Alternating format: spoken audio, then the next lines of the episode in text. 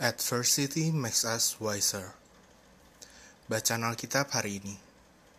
Yakobus 1 ayat 2 sampai 4 dan Roma 5 ayat 3 sampai 4. Yakobus 1 ayat 2 sampai 4. Saudara-saudaraku, anggaplah sebagai suatu kebahagiaan apabila kamu jatuh ke dalam berbagai-bagai pencobaan. Sebab kamu tahu bahwa ujian terhadap imanmu itu menghasilkan ketekunan dan biarkanlah ketekunan itu memperoleh buah yang matang, supaya kamu menjadi sempurna dan utuh, dan tak kekurangan suatu apa pun. Roma 5 ayat 3 sampai 4. Dan bukan hanya itu saja, kita malah bermegah juga dalam kesengsaraan kita. Karena kita tahu bahwa kesengsaraan itu menimbulkan ketekunan, dan ketekunan menimbulkan tahan uji, dan tahan uji menimbulkan pengharapan. Ayat hafalan Roma 5 ayat 3 sampai 4. Dan bukan hanya itu saja, kita malah bermegah juga dalam kesengsaraan kita, karena kita tahu bahwa kesengsaraan itu menimbulkan ketekunan, dan ketekunan menimbulkan tahan uji, dan tahan uji menimbulkan pengharapan. Renungan inspirasi Kita tahu bahwa perspektif kebijaksanaan selalu dikaitkan dengan pengetahuan namun, lebih daripada itu, justru kebajikan, keterampilan, dan kemampuan yang diyakini dan dimiliki seseoranglah yang menjadi ciri kebijaksanaan. Ada perbedaan besar antara hal-hal yang bersifat pengetahuan atau teoritis dengan hal-hal yang bersifat observatif atau empiris. Pada tahun 2017, Universitas Fordham di New York mengadakan sebuah seminar interdisipliner dengan topik kebijaksanaan yang membahas isu mengenai apakah kesulitan membuat kita lebih bijak dari sebelumnya. Kenyataannya, kesulitan memberi peluang unik bagi kita. Kesulitan menjadi wawasan yang berfungsi sebagai katalis perubahan, baik bagi kepribadian kita, tujuan kita, bahkan prioritas hidup kita. Kita tidak bisa memungkiri bahwa pandemi COVID-19 telah banyak menyengsarakan hidup manusia. Tetapi kita juga dapat melihat peristiwa-peristiwa besar yang Tuhan izinkan terjadi dalam hidup kita. Nyatanya mampu meningkatkan kapasitas kebijaksanaan seseorang dalam konteks kesulitan dan penderitaan. Tidak berlebihan jika dikatakan bahwa pandemi telah membantu orang bodoh menjadi lebih bijaksana.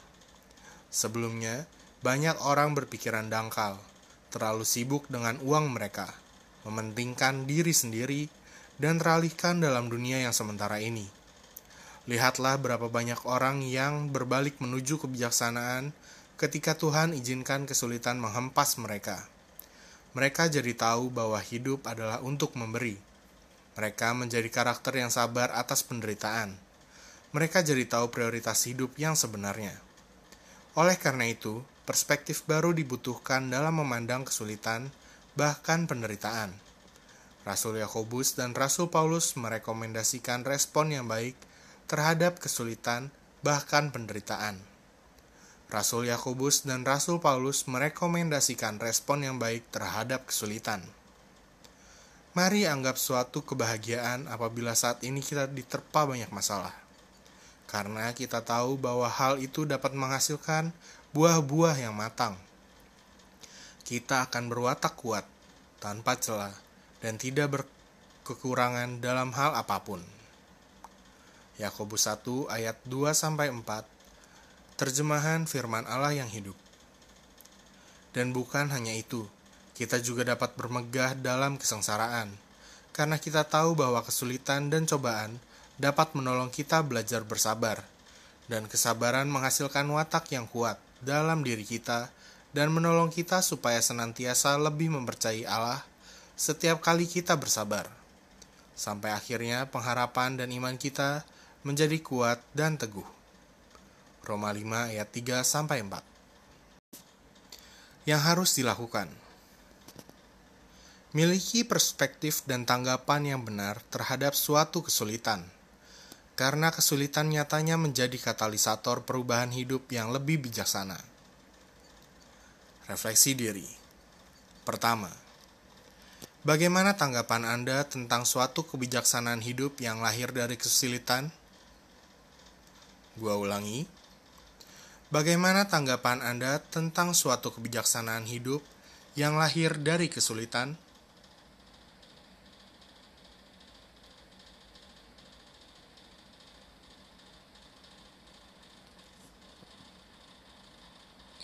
Yang kedua, apakah Anda pernah mengalami kesulitan yang membuat Anda semakin bijak?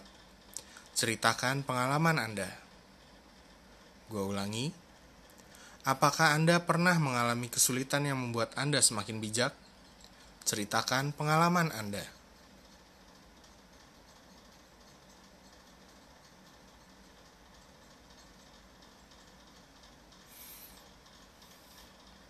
Hikmat hari ini.